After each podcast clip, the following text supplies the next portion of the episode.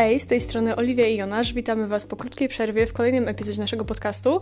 E, dzisiaj porozmawiamy sobie trochę o suplementach diety. Opowiemy Wam razem z Jonaszem o tym, w które suplementy warto inwestować, a w które może niekoniecznie. To, co na początku chcielibyśmy poruszyć, to w ogóle różnica między lekiem a suplementem diety, bo wydaje mi się, że czasem ludziom się to troszkę myli i jest to takie trochę zwodnicze, ponieważ tak, e, lek jest e, takim nie wiem, produktem, preparatem, który zawiera odpowiednią ilość aktywnych składników, które albo zapewnia nam y, wyzdrowienie z choroby, albo jakby y, ustrzeżenie się przed tą chorobą, tak? Natomiast suplement jest preparatem spożywczym i tak jest trochę też na rynku traktowany. Jego zadaniem jest głównie uzupełnienie naszej diety w składniki, które są po prostu niedoborowe z różnych względów e, w tej naszej diecie, więc tak naprawdę leki wybieramy wtedy, kiedy chcemy pozbyć się choroby, że tak powiem, a suplement po to, żeby uzupełnić po prostu naszą dietę. E, no i też duża różnica jest e, w samym procesie wprowadzania na rynek obu tych preparatów, ponieważ tak, lek przed wprowadzeniem na, do obrotu, przed wprowadzeniem na rynek musi przejść szereg różnych procedur, różnych badań klinicznych. E, cała ta dokumentacja z tych badań musi zostać zatwierdzona przez e, Urząd e, Rejestru Produktów Leczniczych. I tak naprawdę po opuszczeniu fabryki, wytwórni, że tak powiem, tych leków, też odbywają się kontrole danych partii. Każda partia, jak schodzi z taśmy, trafia do aptek, do, do sklepów, musi zostać poddana kontroli. I często też się zdarza tak, że kiedy jakaś konkretna partia konkretnego preparatu z różnych przyczyn okaże się w jakiś sposób wadliwa, czy, czy po prostu nie, nieodpowiednia, e, to zostaje ona usunięta z obiegu. E, często apteki właśnie odsyłają takie, takie partie leków.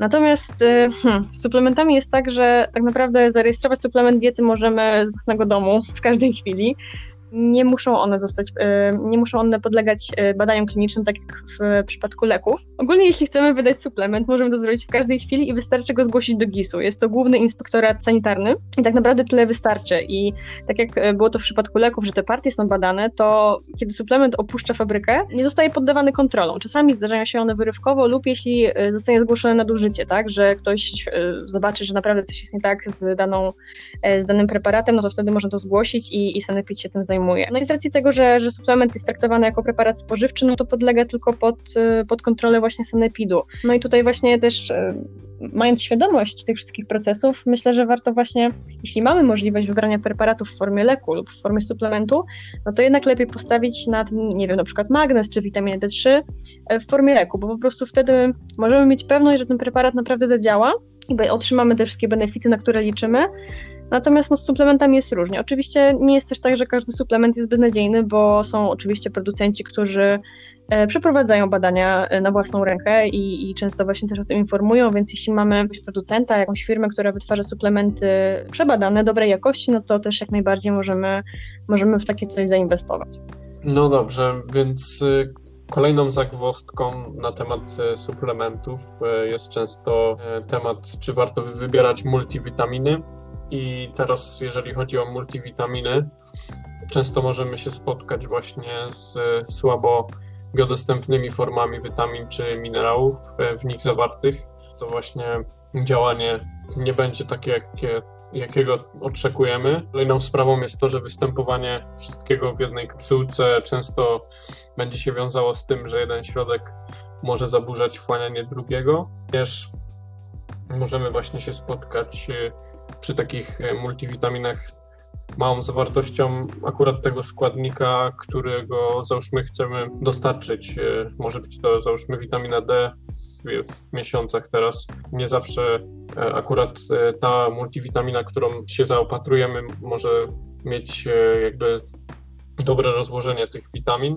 Nie zawsze stosowanie większej ilości witamin znaczy lepiej dla naszego organizmu. Przy, w przypadku takich preparatów właśnie może chodzić na przykład o żelazo u mężczyzn, które mm, łatwo pozyskać z diety. Raczej mężczyźni nie muszą się martwić o niedobór żelaza, dlatego nie warto dostarczać go jakby jeszcze dodatkowo z takich suplementów stosowanie też dużych dawek właśnie takich y, witamin czy minerałów może na pewno doprowadzić w jakichś tam wyjątkowych sytuacjach do hiperwitaminozy. Teraz, co będzie na pewno lepszym rozwiązaniem, to suplementacja celowana, czyli w przypadku jakichkolwiek niedoborów, czy to witamin, czy minerałów, po prostu stosujemy daną witaminę jak w przypadku na przykład teraz e, tych miesięcy jesienno-zimowych stosujemy witaminę D, której nie jesteśmy w stanie jakby pozyskać z diety. Wiemy też dokładnie, co bierzemy, ile tego potrzebujemy, aby, aby poprawić nasze zdrowie. Dawkę ustalałbym na podstawie e, badań i z lekarzem, a nie na własną rękę jakby. Kolejnym takim tematem to, czy warto właśnie brać te suplementy na własną rękę. Uważam, że nie warto brać czegoś tak o i bez żadnej wiedzy, po prostu byleby coś brać i też, bo ktoś coś bierze, to załóżmy my też musimy. Aczkolwiek też jeżeli posiadamy już jakąś tam wiedzę e, na temat właśnie tych suplementów, czy też zagłębiamy się w to bardziej, to na pewno są jakby na rynku suplementy, które wykazują jakieś korzystne działanie, aczkolwiek jest ich bardzo mało raczej na tym ogromnym rynku jakim jest branża suplementacyjna. Dlatego no, warto sprawdzać, co myślą na ten temat osoby też, które znają się lepiej od nas i analizują różne badania, są jakby na bieżąco w tym. No i też właśnie tak jak wcześniej wspominałem, żeby wszelkie niedobory i tak dalej konsultować na podstawie badań i z lekarzem też jaką dawkę. Dobra. No i też tak nawiązaniem do tego, co właśnie Jonasz powiedział, myślę, że warto się właśnie zastanowić, czy, czy w ogóle potrzebujemy jakichkolwiek suplementów, bo y, czasem jest tak, że nasza dieta wygląda fajnie, jemy różnorodnie, dostarczamy sobie różnych składników y, odżywczych i te suplementy czasami mogą się okazać po prostu niepotrzebne, a umówmy się, że jest to dodatkowa inwestycja y, pieniężna i, i czasami po prostu to się nie opłaca.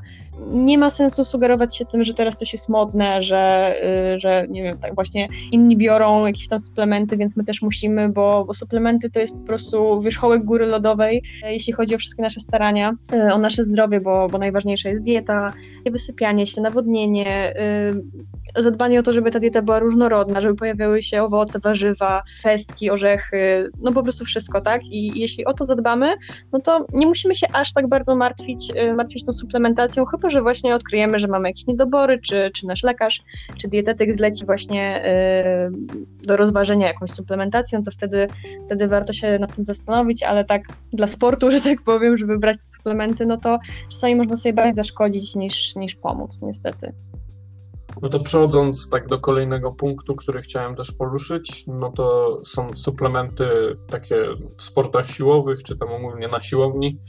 No to pierwszym z nich, e, który mogę na pewno polecić, to jest e, monohydrat kreatyny. Jest to najbardziej przebadany suplement na rynku. Jeżeli chodzi o dawkę i stosowanie, no to zaleca się stosowanie 5 gram każdego dnia. E, pora nie ma większego znaczenia, aczkolwiek w jednym z badań wykazano lepsze działanie stosując ją po treningu, e, aczkolwiek najważniejsze będzie, aby ją po prostu brać codziennie niż to o jakiej porze będziemy ją stosować. Korzyści płynące z suplementacji kreatyny E, poparte badaniami naukowymi, to jest na pewno poprawa funkcji kognitywnych, zwiększenie resyntezy ATP, glikogenu, przeciwdziałanie zanikowi mięśni i zwiększenie beztłuszczowej masy ciała.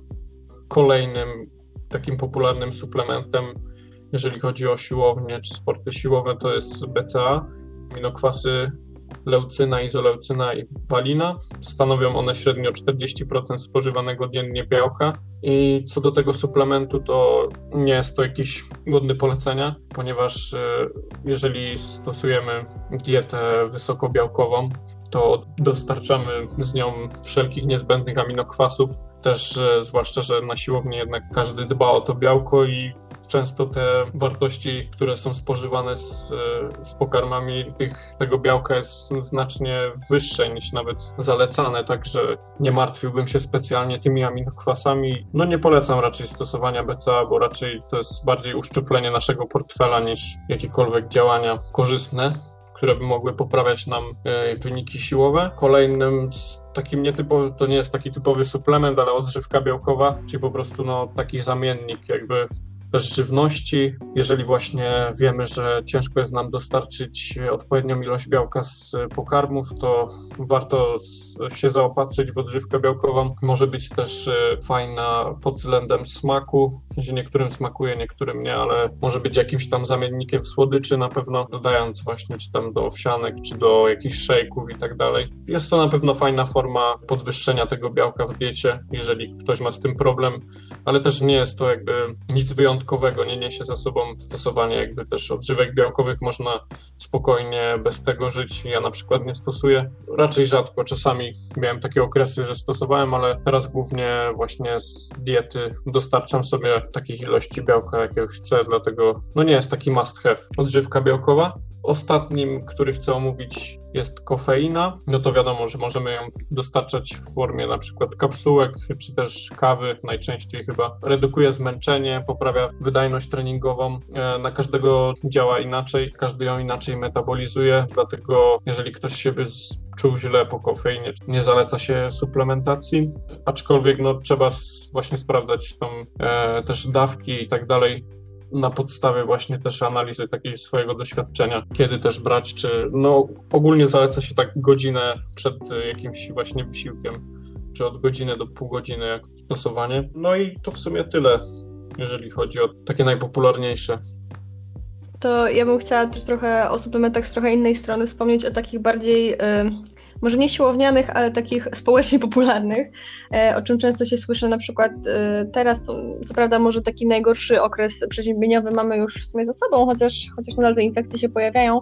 Często takim popularnym stwierdzeniem jest to, że na przykład witamina C jest e, świetnym lekiem na przeziębienie. No i czy to jest prawda? No to tak, no nie do końca. W sensie jeśli już ta infekcja nas łapie i dopiero zaczynamy kupować e, tabletki z witaminą C i, i się tym suplementować, no to niestety nie możemy liczyć na żadne benefity z, z uwagi na to, że po prostu y, no to jest takie działanie na tu i teraz, tak? I ewentualnie jeśli przyjmowalibyśmy tą witaminę C tak profilaktycznie przez dłuższy czas, no i gdzieś tam w międzyczasie dopadłaby nas ta infekcja, no to możemy liczyć na skrócony czas tego przeziębienia, no ale to jest skrócenie czasu o, o jakieś 10-15%, więc no, no to, to nie jest jakiś duży, y, wysoki wynik, więc myślę, że to byłby może jeden dzień przeziębienia krócej. No i oczywiście tak jakby cytując słowa jednego z moich wykładowców ze studiów, jeśli komuś ten jeden dzień robi robotę, no to, no to czemu nie? Ale z drugiej strony, no czy warto wydawać pieniądze na tabletki, skoro witaminę C można z łatwością dostarczyć za pomocą produktów spożywczych, tak? No też, żeby nie było, że ta witamina C nie jest nam potrzebna, bo jak najbardziej jest, y, jest chociażby niezbędna do, do syntezy kolagenu w naszych organizmach,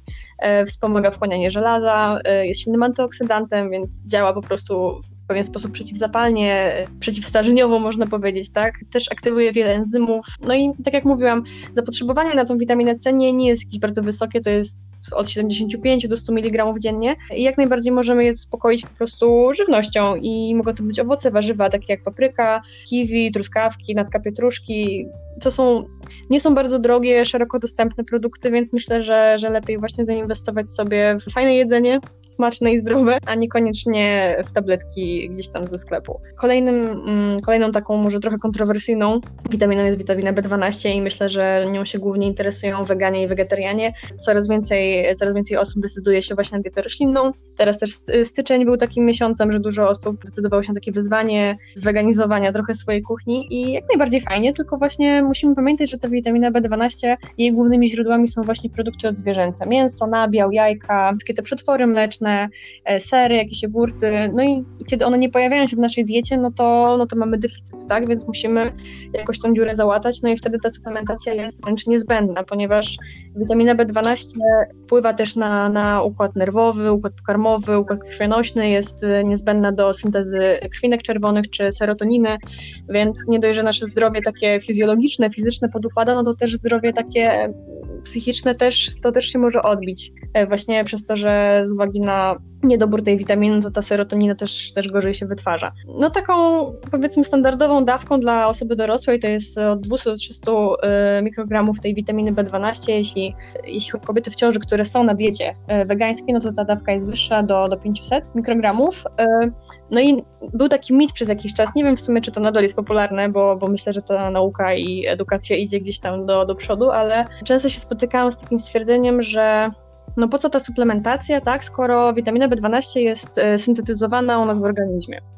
No i to jest taka, no powiedzmy prawda, ale półprawda, może tak wytłumaczę szybko, bo chodzi ogólnie o to, że w naszych jelitach, w jelicie cienkim jak najbardziej e, są bakterie, które potrafią syntetyzować, syntetyzować witaminy B12, z tym, że to są tak małe dawki, że nie są one w stanie zaspokoić naszego zapotrzebowania dziennego, więc no nie możemy, nie możemy polegać tylko na tym. Z drugiej strony, na przykład w jelicie grubym, te dawki witaminy B12, które są syntetyzowane przez bakterie są o wiele większe, z tym, że no musimy musimy mieć trochę świadomość ludzkiej fizjologii. To, co się wytworzy w jelicie grubym, nie ma szansy się wchłonąć, ponieważ większość wchłaniania ma miejsce w jelicie, w jelicie cienkim, no i to po prostu się nie cofnie, tak? No, to jak już zostaje w jelicie grubym, no to już tam zostanie, więc nie możemy z tego korzystać. E, więc ta suplementacja jest po prostu bardzo ważna, bo w tym przypadku nie możemy po prostu liczyć na, na jakieś tam siły przerobowe naszego organizmu. Witamina B12 nie jest drogim suplementem, jak najbardziej dostępnym i, i warto po prostu, warto go po prostu przyjmować. Też myślę, że parę lat temu, teraz już może nie, ale był taki boom też na magnez, że, że każdy przyjmował magnez, bo, bo nie wiem, skurcze, bo pije kawę, bo no różne tam były powody. Też marketing bardzo, bardzo skoczył tych suplementów, są całe półki suplementów z magnezem na, na skurcze, na jakieś inne rzeczy. No z magnezem też jest tak, że raczej jesteśmy w stanie e, zaspokoić nasze zapotrzebowanie właśnie produktami spożywczymi. Magnez odnajdziemy w różnych orzechach, pestkach, e, produktach pełnoziarnistych, też trochę w mięsie, e, w kaszy gryczanej, w kaszy orkiszowej, E, też kakao na przykład, więc no, są to też produkty ogólnie szeroko dostępne, nie są drogie, nie są to jakieś egzotyczne, e, wymyślne owoce i warzywa, więc jak najbardziej możemy, możemy polegać na żywności. Z tym, że też y, są sytuacje, kiedy na przykład zmożonego stresu, zmęczenia, kiedy ten magnez jest nam bardzo potrzebny, jak najbardziej można go przyjmować, też warto zwrócić uwagę, czy jest to lek, czy suplement, bo, bo w obu tych formach możemy, możemy magnez znaleźć w aptece. Też mamy bardzo dużo form y, magnezu dostępnych na rynku, z tym, że najlepiej się skupić albo na mleczanie, albo cytrynianie magnezu, ponieważ są to formy organiczne, a przez to, że są organiczne, to będą się lepiej wchłaniały niż, niż takie syntetyczne. Też warto zwrócić uwagę, czy y, tak jak y, Jonasz też mówił o tych multivitaminach, tak, bo kiedy przyjmujemy magnez w towarzystwie żelaza, wapnia lub fosforu, no to ten magnez nie ma szans wchłonąć się w odpowiedni sposób, więc jeśli nie musimy przyjmować żelaza, wapnia, fosforu, no to nie przyjmujmy, a jeśli musimy, no to lepiej zachować jak najdłuższe przerwy w ciągu dnia właśnie między przyjmowaniem preparatów z tymi składnikami mineralnymi. Też dużo jest y, opinii a propos tego, kiedy przyjmować magnez, czy rano, czy wieczorem, czy z posiłkiem, czy bez posiłku. Szczerze mówiąc, tak naprawdę co człowiek to opinia. Niektórzy uważają na przykład, że warto magnez przyjąć wieczorem, ponieważ może on działać kojąco na układ nerwowy. Teoretycznie mógłby nam on ułatwić sen i takie wyluzowanie się przed snem, takie uspokojenie, wyciszenie, ale tak naprawdę no myślę, że kiedykolwiek nie przyjmiemy tego magnezu, jeśli mamy niedobór, no to, no to po prostu będzie dobrze, tak? Żeby też e, nie stresować się tym jakoś, jakoś zanadto. To w kolejnym jeszcze, jeszcze przejdę do omówienia właśnie witaminy D. Wcześniej tam wspomniałem tylko pokrótce. E, właśnie w okresie jesienno-zimowym nie jesteśmy w stanie jej dostarczyć organizmowi z syntezy skórnej, ponieważ tego słońca jest też za mało i kąt padania promieni słonecznych jest zbyt e, niski jakby, żeby dostarczyć ją. E, należy ją suplementować. I teraz są, zalecane są dawki tak od 80, 800 jednostek międzynarodowych do 2000. To jest tak dla osób dorosłych, z czym większe dawki też się stosuje na pewno u kobiet w ciąży, ale też e, chcę zaznaczyć, że zaleca się stosowanie 4000 jednostek międzynarodowych w przypadku, jeżeli ktoś ma otyłość. No, a z samej diety jest ciężko dostarczyć e, tej witaminy, aby pokryć całe zapotrzebowanie, musielibyśmy spożywać chyba 200 gramów łososia codziennie. E, są to raczej duże ilości. Przejdę jeszcze do omówienia preparatów właśnie witaminy D z K2. Często jest to spotykane. No, witamina K występuje w wielu produktach spożywczych. Dodatkowo jest też wytwarzana przez bakterie jelitowe w przewodzie pokarmowym człowieka i jest e, brak, istnieje brak doniesień o częstości wy, występowania i niedoborów, za wyjątkiem takich sytuacji patologicznych, kiedy flora jelitowa ulega zniszczeniu. To może występować, e, jeżeli ktoś jest po jakiejś antybiotykoterapii lub e, po intensywnym leczeniu przeciwzakrzepowym. Dlatego no, myślę, że nie jest konieczne w ogóle, aby stosować jakby suplementację w połączeniu witaminy D z K2, ponieważ no, jest, bardzo, jest łatwo dostarczyć tą witaminę K z diety, mm, dlatego no, myślę, że nie jest konieczne w ogóle, aby stosować jakby suplementację w połączeniu witaminy D z K2, ponieważ no, jest, bardzo, jest łatwo dostarczyć tą witaminę K z diety. Niedobory właśnie, tak jak wspomniałem, rzadko występują, dlatego wystarczy jakby e, preparat, e, czy lek, czy suplement samą witaminą D po prostu.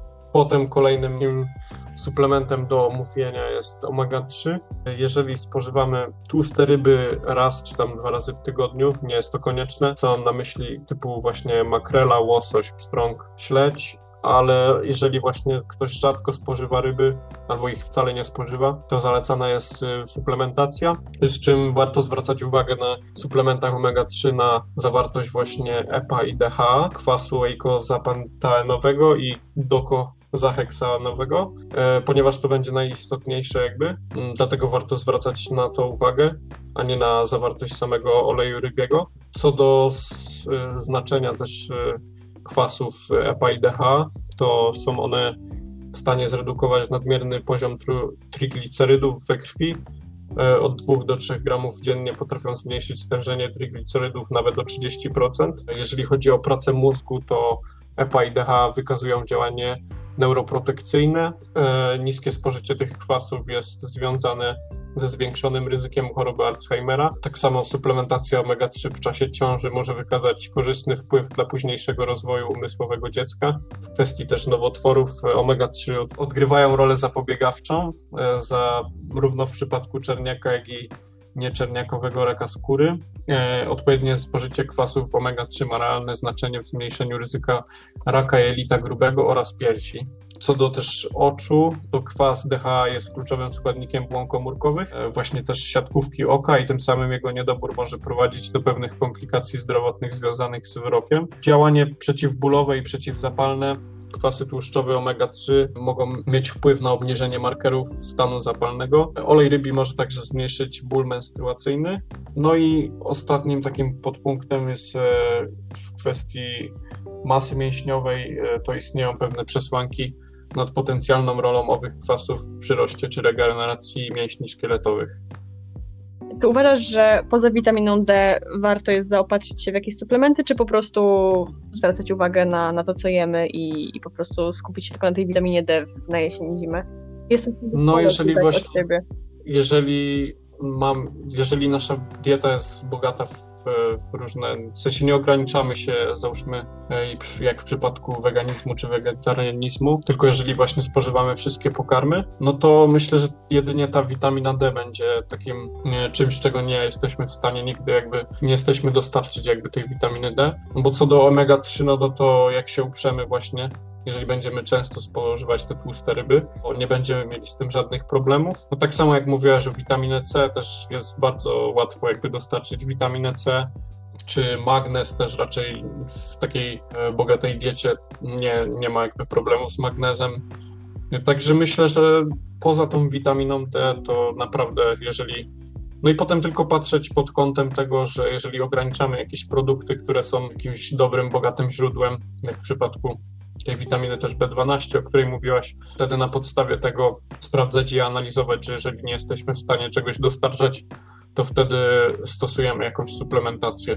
Ale jakby tak samo z, tak po prostu, żeby stosować na wszelki wypadek czy coś, no to nie ma sensu, bo jednak z diety większość, naprawdę większość minerałów i witamin jesteśmy bez problemu w stanie dostarczyć. I tak, no oczywiście podzielam też Twoje zdanie i też uważam, że oprócz tej witaminy D myślę, że nie warto. E, a pytam, żeby tak trochę e, przejść na temat tego, że trochę mnie przeraża, szczerze mówiąc, jako, jako dietetyka, jaki jest marketing związany z suplementami, że e, nawet w zwykłej telewizji człowiek odpala sobie, ile są reklamy, że potrzebujesz tego, potrzebujesz tego, tamtego i przez to, że no, no nie wszyscy muszą się znać oczywiście na odżywianiu, ale przez to, że mamy małą świadomość tego, e, jak zadbać o swoją dietę i jak sobie po prostu dostarczyć tych wszystkich składników, no to po prostu wydajemy grube pieniądze na, na te wszystkie preparaty, które mają, mają po prostu dobry marketing i, i to mnie tak po prostu e, smuci wewnętrznie jako, jako, jako No tak, no, zwłaszcza, że też jest dużo takich dziwnych nawet suplementów, typu jakieś, nie wiem, no, no jojo albo coś takiego w ogóle i wiesz, celebryci polecają jakieś super suplementy, co jest mega śmieszne jakby, bo co innego jeszcze jakieś tam witaminy czy, czy minerały, ale w ogóle jakieś suplementy, które, nie wiem, mają nas chronić przed, nie wiem, przed jojo albo przed nie wiadomo czym, no to jest takie, no bez sensu kompletnie, nie? No. Że jakby ludzie się łapią, no to warto, no nie trzeba też dużo jakby, myślę, analizować, żeby się jakby dowiedzieć się, że pewne suplementy w ogóle nie mają racji bytu, czy załóżmy właśnie branie też substancji, które sam wytwarza nasz organizm, mhm. Właśnie to, właśnie to jest takie, takie przykre, bo też e, ja znam osobę, która kiedyś brała właśnie takie tabletki, powiedzmy, na odchudzanie e, i w ulotce tego suplementu było napisane, żeby przyjmować trzy tabletki e, jakby trzy razy dziennie po jednej tabletce do posiłku. No i ta koleżanka oczywiście, no ta sylwetka jej się poprawiła i tak dalej, ona mówi, że o, super działa i ja jej tak zwróciłam uwagę, że ale zobacz, może to też jest dlatego, że zaczęłaś regularnie jeść, tak? I, i, i troszkę jednak bardziej zwracać uwagę na to, żeby, żeby to były zdrowe posiłki, no bo jakby ten suplement też dał jej trochę taką motywację, co, co, co może być plusem, chociaż no, nie uważam, żeby, żeby ten suplement musiał się pojawiać, żebyśmy chcieli gdzieś tam zadbać o, o swoje zdrowe odżywianie, ale że właśnie nie, nie zwracają niektórzy uwagi na to, że, że że to po prostu jest marketing, tak, że to, że ona przyjmie tą tabletkę, w której może były jakieś multivitaminy, tak, bo, bo nie mówię, że, że to było czyste placebo, chociaż tak też się czasem zdarza na rynku suplementów, ale że właśnie nie skupiamy się na podstawach, a właśnie te podstawy myślę, że są najważniejsze, a suplementy są takim dodatkiem do tego, z czym sami nie jesteśmy sobie gdzieś tam w stanie poradzić. No dokładnie, też wrac e, jeszcze do tego placebo, no to e, też to jest właśnie ważny taki czynnik, bo jednak nawet to jest potwierdzone chyba w badaniach, że, że placebo jakby odgrywa dużą rolę, że jednak no takie wiesz, że sobie ktoś coś wryje na, na banie, że tak powiem kolokwialnie, e, to potem trochę wiesz, siłą rzeczy coś robi, czy jak na przykład te spalacze, czy cokolwiek, mhm. że załóżmy ktoś zaczyna się więcej ruszać i tak dalej i wydaje mu się, że to, nie wiem, spalacz działa, a tak naprawdę on sam jakby, no takie placebo typowe, nie? No. Więc myślę, że też właśnie warto, warto się po prostu edukować i, i warto nabierać takiej świadomości, że, że te suplementy to nie jest magia, to, to nie załatwi wszystkiego, a nasze właśnie codzienne działania, wybieranie tych zdrowszych produktów, czy, czy właśnie ruszanie się e, naprawdę potrafi załatwić sprawę i, i nie musimy swoich ciężko zarobionych pieniędzy wydawać na jakieś głupotki. No dokładnie, właśnie większość tych suplementów to jest raczej strata kasy, nie? Duża mhm. większość. Jeśli fajnie Wam się słuchało tego podcastu, jak i poprzednich, byłoby nam bardzo miło, gdybyście udostępnili go na swoich socjalach i przy tym nas oznaczyli. Dzięki, do następnego.